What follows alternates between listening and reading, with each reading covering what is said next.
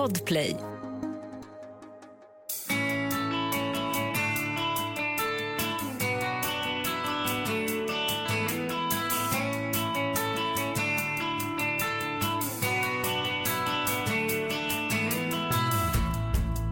Välkommen till fjärde avsnittet av Hälsogåtan. Podden där jag, Anders Wallensten, läkare och folkhälsoexpert, försöker ta ett helhetsgrepp på hälsa. Vad vi behöver för att må bra. För jag tror det är så vi måste tänka. Att det inte finns några mirakelkurer, men att det däremot går att förstå hur vi kan må bra om vi tar hänsyn till hur människan är konstruerad och formad av livsvillkor som är väldigt olika dagens. För att skynda mellan möten, skriva rapporter, passa deadlines och prata i telefon en hel dag var ju knappast något mina förfäder jägarsamlarna behövde fixa. Jag kan vara helt slut efter en sån dag. Men trots att jag är trött kanske jag ändå inte kan somna. Och om jag väl gör det och det fortfarande något som oroar kanske jag sen vaknar vid fyra tiden med hjärtklappning. Dagens gäst Hedvig Söderblom är mer än bekant med den här känslan. Hon har varit professor i psykologi vid Uppsala universitet, forskat om hjärnan och minnet, men också skrivit boken Den utbrända hjärnforskaren om när hon själv drabbades av utmattningssyndrom. Så idag handlar det om när tankarna skenar, mental stress. Välkommen Hedvig! Vi värmer upp med en ganska generell fråga. Vad är hälsa för dig? Oj, gud. Det är en kort fråga men ändå väldigt stor. Det är lustigt faktiskt, för jag märker de gånger som jag är sjuk, när jag till exempel får ont i halsen eller ont i magen, så tänker jag så här, men gud vad bra jag hade det när jag inte hade det här. Och då, och då tänker jag, för mig är hälsa nog frånvaron av sjukdom, frånvaron av smärta, men också gärna ett mått av energi. Alltså kroppslig energi och mental energi. För det är en annan sak. När jag hör ordet hälsa då tänker jag först och främst på fysiologisk hälsa. Men psykisk hälsa är ju faktiskt också viktig, inte minst eh, med tanke på dagens tema. Jo men verkligen. Är man frisk i övrigt men har dystra tankar är livet inte så kul ändå. Så... Eller hur? Nedstämdhet och ångest, det är verkligen inte kul. Nej. Särskilt inte klockan fyra på morgonen. Nej. Det är oftast då det kommer. Mm. Ja. och det är spännande förresten, för jag läste i din bok just om eh, lite anledningen till det kanske hoppar in på det direkt, att det har att göra med var man är i sömncykeln och Precis. vilken del av hjärnan som är vaken eller sover egentligen. Precis, alltså det där är så fascinerande. Jag ja. tycker också det, för jag har ju själv upplevt det många, många gånger och det är, de flesta har väl gjort det. Mm. Vid den tiden på morgonen, om man sover ungefär som folk gör mest, mellan 11 och 7 eller något sånt där. Ja men då är amygdala är på full, på full eh, vad heter det? den, är, den är på full gång så att säga. Och amygdala är alltså vårt varningssystem, vårt alarmsystem. Och samtidigt så är frontalloberna nedstängda då vid den tiden på, på dygnet. Så frontalloberna kan inte komma in och säga så här, hörru du amygdala, ta det lite lugnt nu, vi, vi behöver sova här. Så amygdala, varningssystemet, får löpa amok kan man säga. Och vi är inte så logiska, eller ja, vi vet väl det, men vi tänker inte på det där och då, att det här är inte så himla farligt. Det är liksom inte meningen att vi ska vakna då helt enkelt. du har helt rätt, mm. det är inte meningen. Just det här är så typiskt. Jag beskrev i inledningsscenen hur man då vaknar upp sådär och, och det är väl ett generellt tecken på att man kanske är stressad, gissar jag. Definitivt, jo men mm. så är det. Det är ett klassiskt symptom. Mm. Sen är det ju så att vi har alla stressiga perioder i livet och att det, att, för det mesta är det ju övergående perioder så det kan ju vara att vi har det så en vecka eller två veckor eller någonting. Mm. Men däremot om man har det under en längre period, i flera månader, då ska man nog börja fundera över sin livssituation helt enkelt, för då kan det bli skadligt. Mm. Jag nämnde också i den här liksom lilla inledningsscenen att man har ju inte ansträngt sig fysiskt men ändå är man så oerhört trött. Kan du utveckla det berätta Gud, varför det blir så? Jag vet, jag vet, det där är så intressant. Alltså Descartes påstod ju att kroppen och själen är två separata ting. Det här med dualismen. Men vi vet ju nu att det är ju faktiskt inte så. Att kroppen och själen hänger ihop. Och när själen blir stressad så påverkar det kroppen. Så även om vi är psykiskt stressade så att säga så kan det få fysiologiska eller fysiska uttryck. Vilket är galet intressant. Det kan vara problematiskt för att man tycker så här att kroppen kommer och sabbar för en. Men samtidigt så är det för att de ska rädda varandra så att säga. Alltså att de ska hjälpa varandra att överleva helt enkelt. Det här att man är så trött i hjärnan när kroppen egentligen inte är ah. utmattad. Och jag kan, jag kan bara själv känna igen om man har pluggat jätte, eller när man var student och pluggade jättehårt i en tenta eller nu senare att man har haft haft intensiva perioder på jobbet och man, man har ju bara hållit på med att, att behandla ord i en text men ändå är det som att det är nästan, det är nästan som det ryker från hjärnan. Det känns så. Och sen så det, måste man vila för att komma igång igen. Men man har suttit still hela dagen. Det är liksom... Jag tänker att det är så här att när vi håller på länge med någonting och vi blir psykiskt utarbetade så att säga. Stresssystemet kanske har triggats igång. Och stresssystemet det är ju precis som det här med rädsla. Att det kan trigga igång kortisolet i kroppen. Vilket gör att vi förbereder oss för att fly eller för att fäkta. Du vet det här fight or flight. Och det gör att, att hjärtat börjar slå snabbare för att vi ska få syre till, eh, ja vi ska få blod och syre. Det där vet ju du bättre än jag. Vi kanske blir torra i munnen. Eh, musklerna gör sig redo för att slåss eller springa. Så, så det, man kan få liksom anspänningar i musklerna fastän man egentligen inte, som du säger, gör någonting fysiskt. Det, vet, alltså det, det, har jag märkt också, dels hos mig själv men hos andra som har varit utmattade. Att, eh, att man kan få smärta i kroppen av stress, vilket känns så konstigt. Men jag har tänkt att det kanske beror på det. Att, mm. Eh, att den har liksom gjort sig redo för att fly eller slåss. Och dessutom använder vi en del av hjärnan väldigt, väldigt, väldigt mycket den blir trött. Mm. Alltså hjärnan behöver vila, den behöver sova, den behöver återhämta sig. Så det är inte konstigt egentligen. Men det, det kan tyckas konstigt, men mm. när man tänker på det så... Så är det fullt rimligt. Yep. Mm. Och du har ju verkligen själv upplevt konsekvenserna av långvarig stress. Vad var det som hände som ledde till att du sen drabbades av utmattningssyndrom eller utbrändhet? Ja, jag är alltså då forskare som sagt och eh, ja, men har en lång karriär bakom mig. Jag har disputerat, blivit docent och blivit professor. Och så i Uppsala då så hade jag min egen forskargrupp och eh, jag hade tre doktorander. Det är mycket jobb, man söker massa anslag, man måste få massa pengar. Och jag höll på med olika typer av hjärnforskning vilket kräver många, många miljoner. Alltså det är en stor press helt enkelt. Att, eh, och, och kan man inte få några forskningsanslag ja men då, ja vad ska man göra då? Då är man lite i skiten som man skulle kunna säga. Så jag hade stora krav där. Och sen hade jag förstås undervisning utöver det här. Eh, förhållandena på jobbet var inte superbra eh, för mig. Sen hade jag det på hemmafronten också väldigt tufft. Min mm. mamma blev sjuk först och eh, jag tog hand väldigt mycket om henne. Sen blev även min pappa sjuk så tog jag hand om honom. Det var mm. väldigt stressigt på mm. alla håll och kanter. Mm. Och så blev det så där som många tyvärr gör när vi blir stressade. Jag började klippa ner på mina egna behov, alltså så här som att gå och yoga till exempel som jag hade börjat med. Det orkade jag inte göra. Jag fick ingen återhämtning och det är det centrala i det här mm. med utmattningssyndrom. Det är bristen på återhämtning. Och, och vad var det som hände när till slut? Nej, men det som hände till sist det var att jag skulle ansvara för ännu en kurs och det var en forskarutbildningskurs så det skulle vara en hög, hög nivå. Men så jag kände en väldig press på den här kursen och sen så var det någonting, det var någonting banalt som hände den morgonen. Det var något eh, recept som jag skulle hämta ut till min mamma och så fanns inte det. Ja, det var liksom den här lilla droppen du vet som mm. rinner över. Och så var jag ute på gatan och gick och min kusin ringde mig och så frågade hon hur det var. Och jag bara började storgråta. Ja, gud, jag, får, jag får rysningar nu när jag pratar om det. För Det är verkligen, nej, men det, var, det var väldigt känslosamt. Och min kusin sa så här, men Hedvig, du måste sjukskriva dig. Och jag bara, det väckte väldigt många känslor hos mig. Jag kände så här, får jag det? Alltså, det är så typiskt också, att man tror att man måste liksom jobba 300 procent. Ja, då gjorde jag det till sist i alla fall. Så det var liksom... Det var där och då Precis. det liksom tog stopp. Verkligen. Så jag kände mig helt mentalt slut. Då kände jag mig nog inte kroppsligt slut, men jag kände mig mentalt helt slut. Och jag vet i början av, av eh, vad heter det, sjukskrivningen då gick jag fortfarande mina långa promenader som jag alltid hade gjort så här på flera, ja men på någon mil och bla bla bla. Hon tyckte så här vad skönt att jag kan, ja men jag promenerade mycket och fotade. Och, men sen började jag få ont i benen. Jag förstod inte riktigt varför. Jag tänkte, det är skorna? Ja det började bli jobbigt helt enkelt, även fysiskt, vilket jag först inte riktigt fattade. Men sen när jag tänker tillbaka på det, då tänker jag just att jag behövde nog egentligen vila.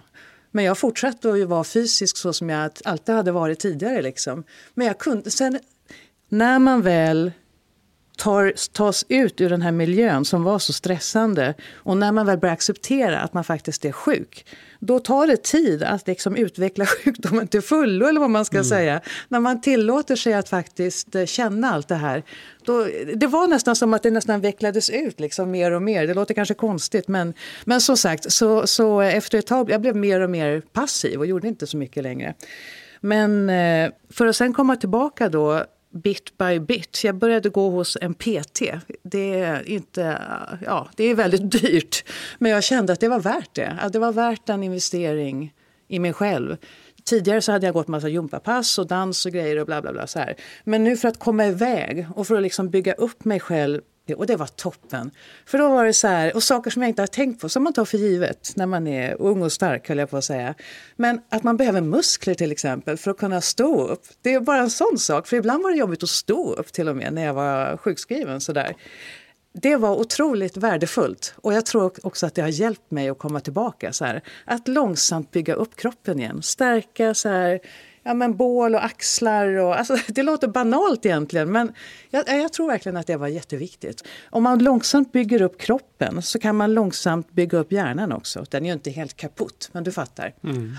Men så att, eh, och, och där låter det som att man, det handlar inte om att träna intensivt för att bli av med, utan det är snarare börja om från början lite? Absolut, och väldigt många, jag tror nästan alla, man ska inte träna intensivt för det blir skadligt för kroppen. För man, är, man har verkligen inget hö kvar på loftet, alltså man har inga reserver kvar. Och går man då in och kör så här eh, cardioträning typ, alltså det om man kör en bil utan olja, det kanske går lite grann. Men sen så sabbar det motorn, typ, tror jag.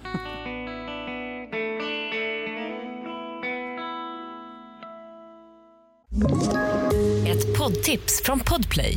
I fallen jag aldrig glömmer djupdyker Hasse Aro i arbetet bakom några av Sveriges mest uppseendeväckande brottsutredningar. Går vi in med hemlig telefonavlyssning och, och då upplever vi att vi får en total förändring av hans beteende. Vad är det som händer nu? Vem är det som läcker? Och så säger han att jag är kriminell, jag har varit kriminell i hela mitt liv men att mörda ett barn, där går min gräns. Nya säsongen av Fallen jag aldrig glömmer på Podplay.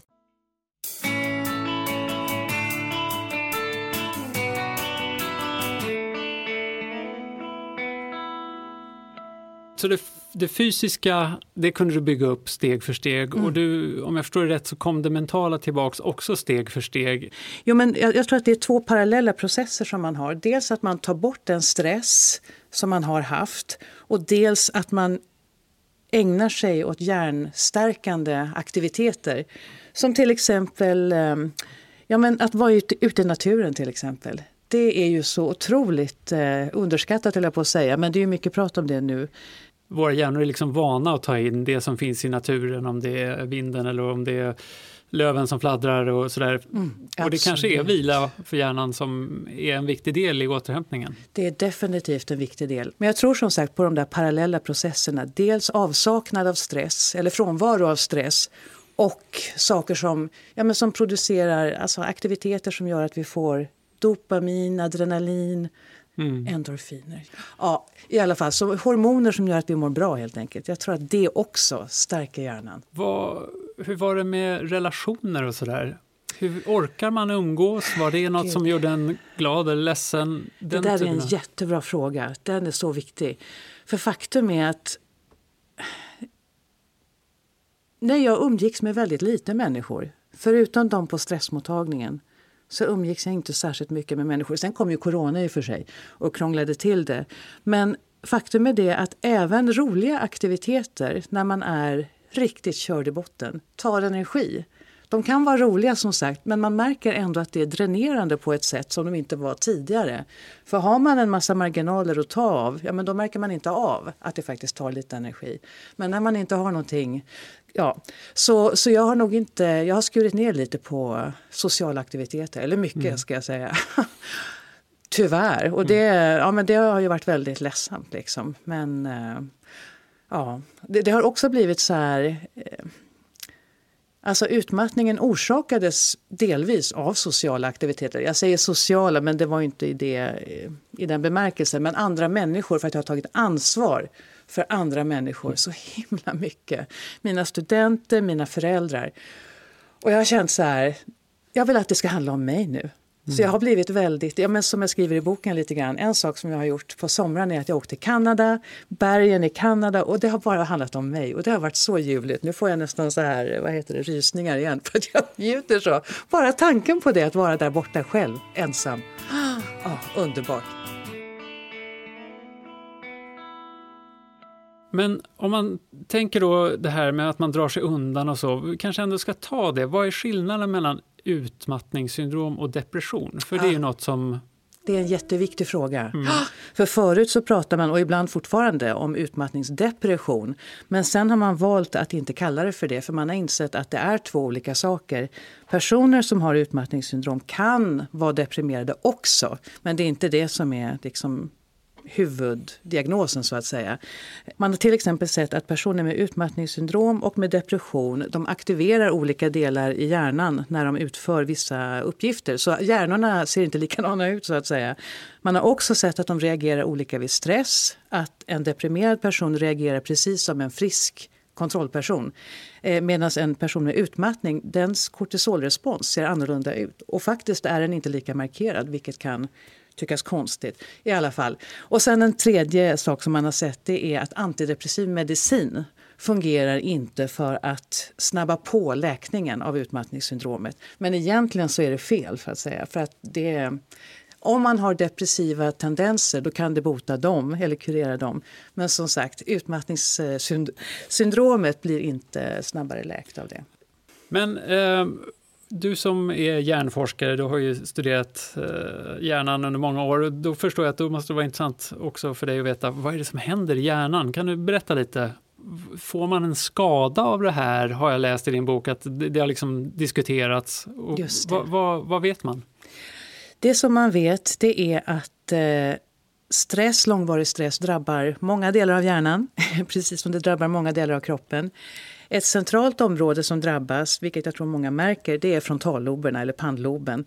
Eh, man har sett att det är områden som är viktiga till exempel för arbetsminne, när man ska hålla någonting i huvudet under en kort tid och kanske göra någonting med det. Som till exempel eh, om man ska stava ett ord baklänges till exempel, det är arbetsminne. Man har sett att det området har blivit tunnare hos personer med utmattningssyndrom. Vilket då betyder att antalet Eh, hjärnceller kan ha gått ner och även antalet synapser, alltså kopplingarna mellan de här hjärncellerna.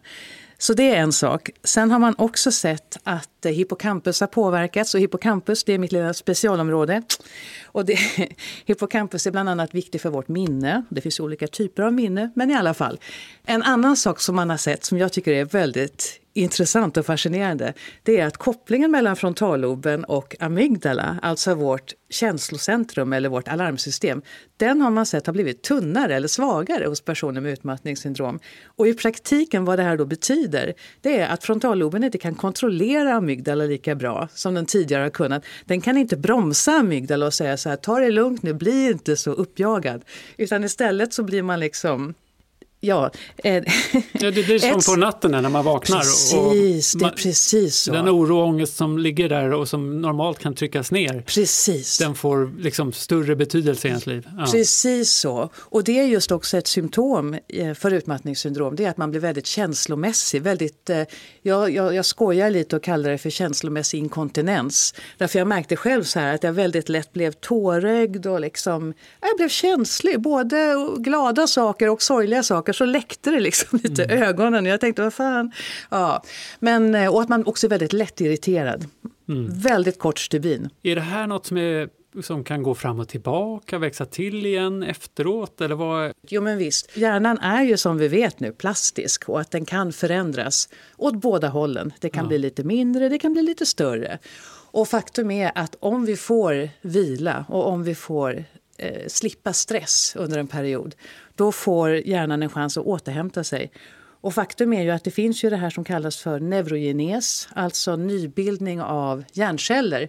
Vi får alltid en nybildning av hjärnceller, men den kan gå olika fort. Alltså, eller vara olika intensiv kan man säga. Så vid sjukdom, vid åldrande och liknande saker, då, då saktar takten ner eller vad man säger. Men om vi till exempel motionerar, om vi mår bra, om vi dansar, lever livet, ja, då, då ökar takten upp igen. Alltså då ökar takten igen. Så, så man kan absolut återhämta sådana här förändringar i hjärnan. Ja, det, känns, det känns ju väldigt hoppfullt. Eller hur?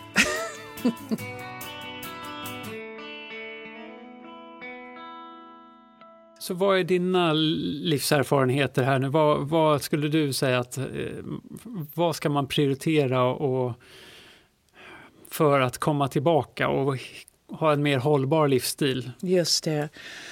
en sak som jag sa till mig själv väldigt mycket under min utmattningsperiod det var Don't be a hero. Jag sa don't be a fucking hero, men nej, man behöver inte svära. Don't be a hero. För jag visste så här, jag skulle ta hand om alla, jag skulle hjälpa alla, men du behöver inte vara den som hjälper alla. Du, alltså, låt någon annan göra det. Så försök att inte Försök att tänka på dig själv. Tänk på dig själv. Det är verkligen så viktigt. Och för mig tidigare så har jag tänkt så här, nej det är egoistiskt och man ska inte vara egoistisk och det är fult. Men man måste faktiskt tänka på sin egen kropp, sin egen hälsa, sitt eget mående. Man måste komma ihåg att man är viktig. Det är hemskt att säga men det är, jag tror många kanske känner så här att andra är viktigare och det är bättre att jag tar hand om dem. Nej, man är viktig själv. Och ens tid är viktig, ens hälsa är viktig. Säg nej, ställ inte upp. Och, och jag skrattar lite därför att jag, ja, men formuleringen låter ju rolig, liksom, att man inte ska ställa upp. Men jag, jag, menar verkligen det, att på många arbetsplatser till exempel, särskilt kvinnor får göra så här lågstatusuppgifter. Så här, kan, du, kan du fixa festen? Kan du köpa presenten till den som fyller år? Kan du ta anteckningarna? Kan du... Nej, säg nej. Ja. Sen en annan sak som är jätteviktig, som vi inte har pratat så mycket om, förutom inledningsvis, det är det här med sömnen. Prioritera sömnen. Se till att sömnen fungerar. Det är lättare sagt än gjort. Men lägg in pauser här och där. Det kan vara mikropauser, det kan vara kortare pauser. Sitt och titta bara rakt ut. Gör ingenting. Det är så värdefullt för hjärnan och kroppen att få återhämta sig lite grann. Och stress är verkligen som ett självförstärkande system. Är du stressad, då beter du dig på ett stressat sätt och du spänner dig och då blir kroppen ännu mer stressad och du spänner dig ännu mer och så blir det som en negativ spiral sådär. Så om man kan liksom lätta upp det där lite och gå in och ja, avbryta den där processen. Till exempel genom att lyssna på någon musik man gillar, digga lite, så här, röra lite schyssta mos. Ja, men det, det, gör en sån skillnad faktiskt. Helt plötsligt så blir det inte så jobbigt det man gör. Mm. Som sagt, jag sitter och pratar här i ideala nej, jag, termer. Men... Ja, nej, men jag läste någonstans någon som beskrev det att det är väldigt sällan som de situationer man har i vardagen är brandkårsutryckningar. Men, men att vi ändå ofta hanterar dem som det. det är sant. Just att komma i tid med barnet till förskolan och man kämpar och trycker på och man Just försöker det. få på de här vantarna och sådär. När det i långa loppet inte kanske gör så stor skillnad och sånt. Men det, och den där stressen gissar ja. jag att eh, det vore bra att slippa jag eftersom du, om man, du nu säger att det liksom genererar mer stress varje Precis. gång man stressar på sätt och vis. just det.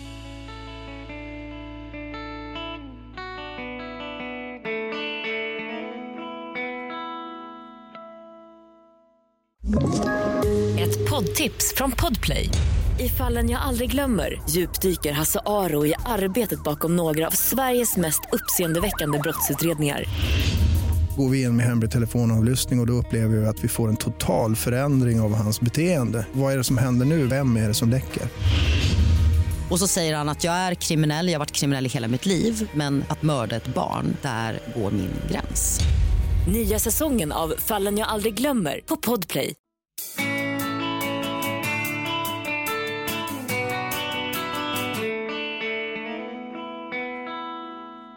Det lät också som du var inne på det här med mindfulness. Just det. Om vi praktiserar mindfulness och är här och nu så att säga. Det som är så bra då det är att vi inte ältar sånt som har varit. För ältande är verkligen negativt för hjärnan. Och vi oroar oss inte heller för sånt som komma skall. Så att säga. Så vi tittar inte bakåt, vi tittar inte framåt. Vi tittar här och nu. Eller tittar vi. Men det som är så bra är just att hjärnan får vila. Vila från oro, vila från ångest och ältande som sagt. Och det mår den så bra av. Ja. Du nämnde acceptans, det är också någonting som jag, jag själv tror mycket på att eh, om man kan acceptera tillvaron som den är så är, mm är det lättare för om man inte, den är ju bara på ett sätt och ja. om man vill att den ska vara på ett annat sätt och det inte är möjligt så är det ju det är ju svårt att vara nöjd. ja, enkelt. och det skapar bitterhet och dessutom det tar mental energi att kämpa mot det här. Att, att, liksom gräma, att gräma sig, det är ju så värdelöst mm. faktiskt. Och tar en massa mental kraft som, som kan slita på hjärnan, precis det här som att älta. Liksom. Det är lite samma samma grej. Och att, eh, ja men massa negativa känslor helt enkelt. Och så som sagt massa kraft att gå och tänka på det här. Och det här är ju svårare än... eh, Självklart, herregud. Alla har vi de här känslorna och det är olika olika delar av livet och liknande. Men, Ja, ja, men ja. att ändå sträva åt det hållet. Definitivt Och fånga sig själv kanske. Och just för att få ner stressnivån så att man kan se Precis. saker mer som de är. Precis. Vi pratade innan vi började här också om att eh, om man är en person som gärna vill att allting ska bli perfekt, att man Just har lite det. kontrollbehov så att säga. Att det kan vara ett problem. Åh, det är värdelöst. Ja, det är, det är verkligen ett problem. Och det där har jag tänkt mycket på när det gäller just jobbsituationer. Folk som kan delegera, de blir ju inte utbrända. Men folk som inte kan delegera för att de vill göra allting själva, kontrollera allting själva, för att det är mitt, mitt sätt är det bästa sättet, ja, de kommer ju bränna ut sig. Så vad är ditt tips där? Att man ska en... Man kan ta bort allt. Vet du, jag svårt. kämpar fortfarande Ja. med det där. Det är hemskt. För jag vill egentligen göra allting själv. För jag Ja. tycker att det blir då. Det är hemskt. Men samtidigt så inser jag ju hur dumt det är. Och dessutom tycker jag att det är lite slött att delegera allting. Du vet. Så det stör mig när folk gör det. Samtidigt så förstår jag ju att det är det, är det där att kämpa mellan det teoretiska och det praktiska. Åh, jag antar att man måste försöka se vad som är viktigast och prioritera. Jag tror att det är det. Så om, om man har tio saker, ja men gör tre själv då och delegera sju. Någonting sånt. Själva hälso, häls, hälsoidealet kan ju vara stressande Precis i sig. så, och att man ska det. göra som alla andra. Men det jag försöker lyfta är att man kan nå hälsa på olika sätt. För en kanske det är att, liksom prioritera sömnen. Ja, Och att man sen orkar mer, eller att man prioriterar att vara med vänner man tycker om Mm. för att få tillräckligt med energi och ta itu med något annat. Just och kan det. man göra de här sakerna tillsammans, vara i naturen tillsammans med vänner och, Mm. Och sådär så får man mycket på en gång. Ja, ja, ja. Även där behöver man ibland pausa och se men vilket område har blivit eftersatt, vad är det jag kan vad är det egentligen som är viktigt? För det är inte alltid så att lösningen är att jag ska gå till gymmet mer. Det är sant. Men det är kanske sant. den enklaste tanken, eller första tanken som kommer. Det. Jag borde träna mer. Ja, men eller hur. Så att om vi, ska ge, om vi ska ge lyssnarna ett tips eller en vana de kan börja med idag för att inte hamna här i och, och hamna där du var så att säga och drabbas av utmattningssyndrom. Vad, vad skulle ditt bästa tips vara? Alltså om man bara ska välja en sak då är det nog att prioritera sömnen. Det tror jag, för sömnen är så värdefull. Sen också det här med att som sagt att eh, balansera aktiviteterna med vila och aktivitet, energibalansering. Men skulle jag välja en sak, sömnen. Prioritera den. Och jag kan ju själv då säga att jag har problem med sömnen ibland, men, och särskilt när man är stressad. Men hur vet man när det här liksom är för, Just det. för mycket? Om det är ett för, problem. Och ett problem. För, Nej, men om det har varit mer än två veckor eller om det har varit över en månad, definitivt, så ska man börja fundera. Om det till exempel påverkar ens vardag också, gör att man får svårare att klara av jobbet och relationer och sådär, då ska man definitivt börja och vad ska man göra då? Ja, jag skulle säga att man får fundera över sin livssituation och se om det är några saker man kan plocka bort, om det är några åtaganden man kan plocka bort, om man kan eh, lugna ner tempot på olika sätt och vis så att man inte har en lika full bricka så att säga, saker som man måste göra och förväntas göra. Hedvig Södlund, stort tack för att du var här idag. Tackar. Nästa gång ska jag fördjupa mig i sömnen. Det är ju en mycket viktig nyckel till vår hälsa. Christian Benedikt är en av landets främsta sömnforskare och han är min gäst nästa gång vi hörs här i Hälsogåtan. Hela säsongen hittar du i gratisappen Podplay. Annars nytt avsnitt varje tisdag där poddar finns. Jag heter Anders Wallensten, producent är Lisa Tallroth och för klippning står Mats Liljenberg. Tack för att du har lyssnat. Hälsogåtan är en podd från Bonnier Fakta. Podplay